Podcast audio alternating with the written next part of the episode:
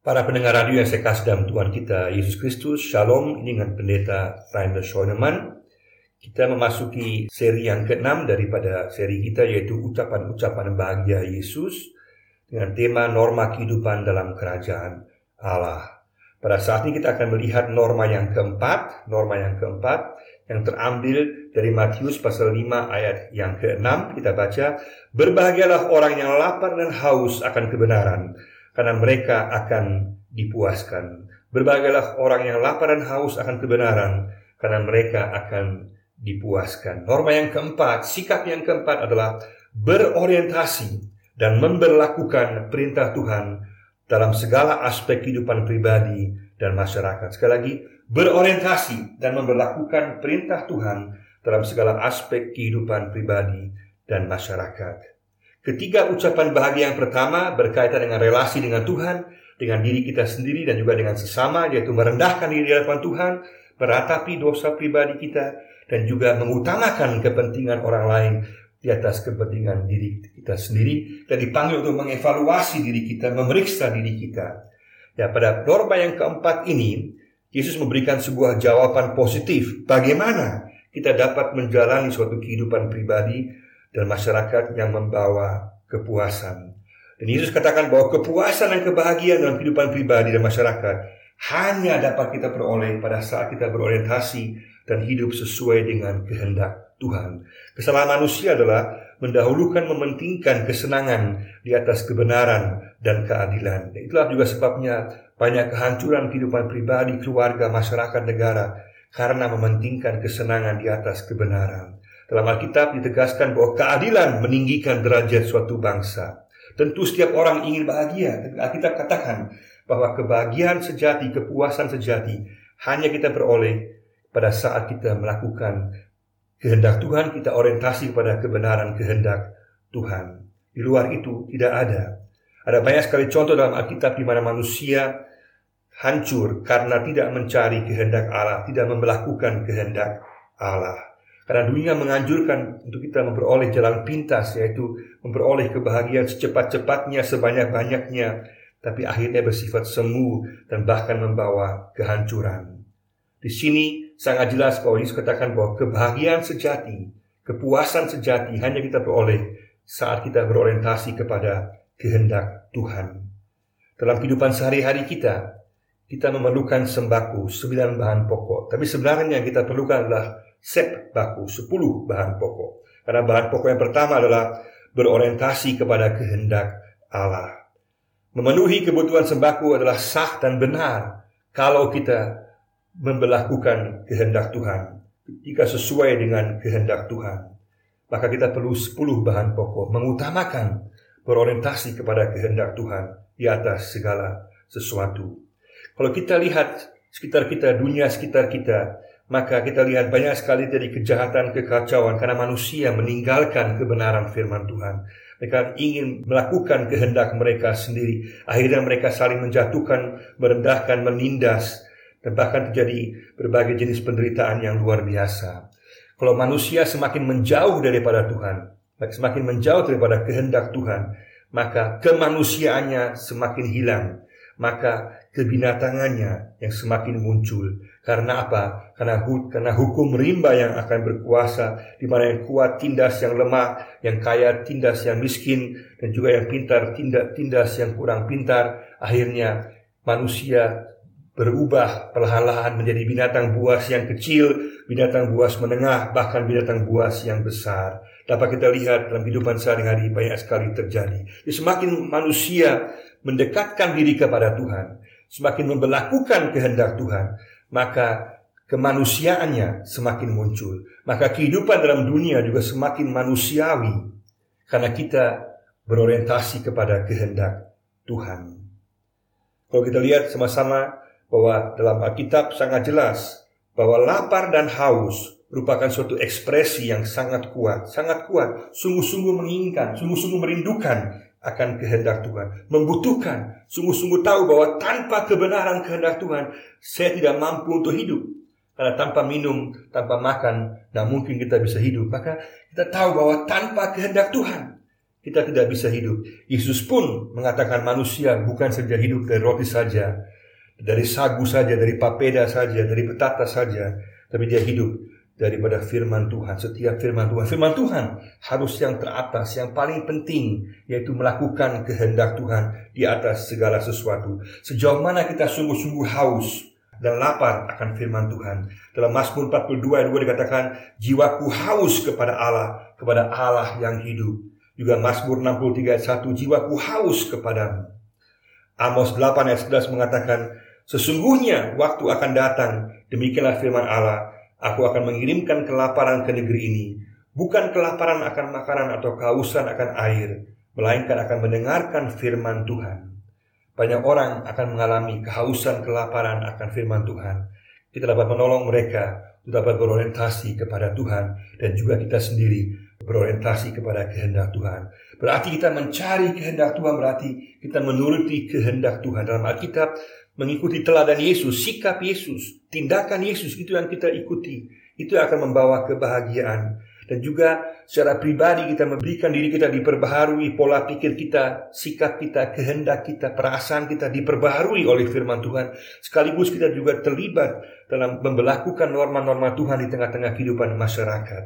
Artinya kita peduli kepada masalah pemberantasan kemiskinan, masalah pendidikan, masalah kesehatan, juga masalah juga masalah miras, narkoba, korupsi, KKN, HIV AIDS, COVID-19 sekarang juga dan banyak hal yang merusak masyarakat dengan tujuan supaya kita bisa membawa kemajuan, pemulihan dan juga kesejahteraan bagi masyarakat. Orang Kristen harus jadi orang yang memberikan yang terbaik bagi dunia ini mengupayakan yang terbaik harus ada di garda paling depan untuk sungguh-sungguh memberikan yang terbaik untuk kesejahteraan dunia ini.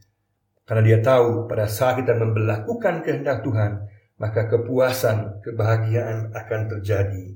Pada saat yang sama kita tahu bahwa kepuasan sejati baru akan terjadi di masa yang akan datang. Baru pada saat Tuhan Yesus datang kembali, baru akan ada secara sempurna kepuasan dan kebahagiaan. Kita baca 2 Petrus 3 ayat 13 mengatakan, tapi sesuai dengan janjinya, kita menantikan langit dan bumi yang baru, di mana terdapat kebenaran. Artinya kita memberikan saat ini yang terbaik, membuat yang terbaik, berorientasi dalam kehidupan pribadi sesuai dengan kebenaran firman Tuhan. Sikap tindakan Yesus menjadi teladan contoh bagi kita. Sekaligus kita memberikan terbaik kehendak Tuhan dalam kehidupan masyarakat, juga dalam gereja, dalam pelayanan jemaat, kita orientasi kepada kebenaran firman Tuhan, kebenaran Allah. Itu akan menjamin kepuasan dan kebahagiaan. Dalam kehidupan sehari-hari berarti pertanyaannya lah sejauh mana kita sungguh-sungguh berorientasi kepada kehendak Tuhan. Kita sungguh-sungguh mau mengikuti firman Tuhan, lapar dan haus akan kehendak Tuhan. Lapar dan haus tahu bahwa hanya dengan menjalankan kehendak Tuhan kita akan beroleh kebahagiaan dan juga kepuasan. Ataukah kita curiga terhadap Tuhan, nggak percaya bahwa kalau kita lakukannya, kita akan bahagia, kita akan puas. Setelah manusia mencurigai, meragukan Tuhan. Tapi Tuhan katakan, dia akan menjamin ada kepuasan sejati yang kita peroleh. Kalau kita baca dalam Yohanes 4 ayat 14, Yesus mengatakan, Barang siapa minum air yang kuberikan, ia tidak akan haus lagi. Juga dalam Yohanes 6 ayat 35, Yesus katakan, Akulah roti hidup. Barang siapa datang kepadaku, ia tidak akan lapar lagi. Yesus memberikan pemenuhan agar kita tidak haus dan tidak lapar lagi, memberikan kebahagiaan, kepuasan sejati.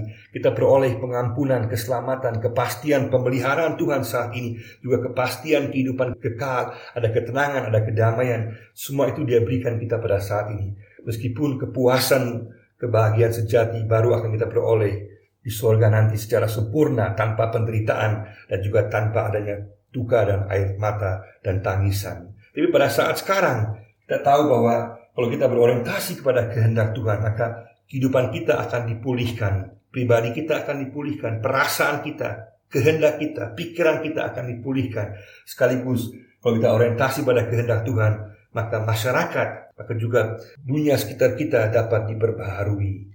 Pengenapan kepada Allah bukanlah suatu fata morgana, bukan suatu ilusi angan-angan atau janji yang kosong. Kita lihat di banyak negara, banyak tempat dunia ini dan sejarah dunia di mana orang sungguh-sungguh orientasi pada kehendak Tuhan, terjadi pembaharuan pribadi, terjadi pembaharuan dalam keluarga, terjadi peningkatan taraf hidup di tengah-tengah masyarakat, terjadi keadilan, terjadi sosial, pendidikan, dan juga kesehatan. Semua hal mengalami kemajuan karena berorientasi kepada kehendak Tuhan. Selama kita tidak berorientasi kepada kehendak Tuhan, maka sehebat apa pun program jemaat kita, program provinsi, atau program negara kita, tidak akan menghasilkan hal yang baik. Pada akhirnya, karena kita harus berorientasi kepada kehendak Tuhan. Itulah patokannya. Sehingga menjamin kepuasan, kebahagiaan. Bukan kepentingan diri sendiri, bukan kepentingan golongan atau kepentingan sesaat saja. Artinya, kita dipanggil untuk sungguh-sungguh secara murni merindukan haus dan lapar akan kebenaran Tuhan dalam semua aspek kehidupan kita dalam kehidupan sehari-hari kita. Ini bukan berarti hanya sekedar formalitas saja, bukan. Tapi sikap yang datang dari hati yang terdalam. Hati yang terdalam bahwa kita merindu, kita mau supaya kita orientasi kepada Tuhan dan juga terjadi perubahan di tengah-tengah situasi masyarakat sekitar kita. Dalam 2 Timotius 1 ayat 12 Paulus katakan, "Itulah sebabnya aku menderita semuanya ini, tetapi aku tidak malu karena aku tahu kepada siapa aku percaya dan yakin bahwa dia berkuasa memeliharakan apa yang telah dipercayakannya kepadaku hingga pada hari Tuhan. Kita akan dipelihara oleh Tuhan. Pada hari Tuhan kita akan mendapatkan kepuasan yang sempurna. Tapi saat ini pun kita sudah mendapatkan kepuasan daripada Tuhan, keselamatan, kedamaian, ketenangan, sukacita, pemeliharaan Tuhan dia janjikan. Dan pada saat yang sama kita juga bisa memperlakukannya bersifat aktif, bukan pasif, aktif memperlakukan di tengah-tengah masyarakat, mengupayakan kedamaian, keadilan, pendidikan, kesehatan, kemajuan ekonomi, harga diri, perlawanan ketidakadilan, dan semua hal kita terlibat. Maka dengan demikian, maka manusia akan dipuaskan karena mendengar dan orientasi kepada firman Tuhan. Pada saat ini, kita semua dipanggil untuk memeriksa diri kita masing-masing. Sejauh mana ada kehausan dan kelaparan dalam diri kita untuk mau orientasi kepada kehendak Tuhan. Dalam setiap profesi kita juga sama. Apakah kita melakukan kehendak Tuhan, orientasi pada kehendaknya, atau ada kepentingan-kepentingan lain, golongan pribadi, bahkan suku, atau berbagai hal yang lain. Sejauh mana kita sungguh-sungguh mau haus dan lapar akan kebenaran Tuhan, orientasi kepada kehendaknya, agar kita dipulihkan secara pribadi, agar keluarga kita dipulihkan, gereja kita dipulihkan, juga Papua dipulihkan, dan juga bangsa kita Indonesia juga dipulihkan, dunia dipulihkan karena berorientasi kepada kehendak Tuhan. Pada saat ini mari sama-sama kita katakan, aku mau berorientasi kepada kehendak Tuhan, perintah Tuhan dalam segala aspek kehidupan saya. Saya mau memuliakan Tuhan dan saya yakin, saya tahu bahwa pada saat saya melakukannya, maka Tuhan memberikan kepuasan kepada saya ada kebahagiaan, ada pemeliharaan Tuhan yang menyertai saya. Kiranya Tuhan memberkati kita semua. Amin.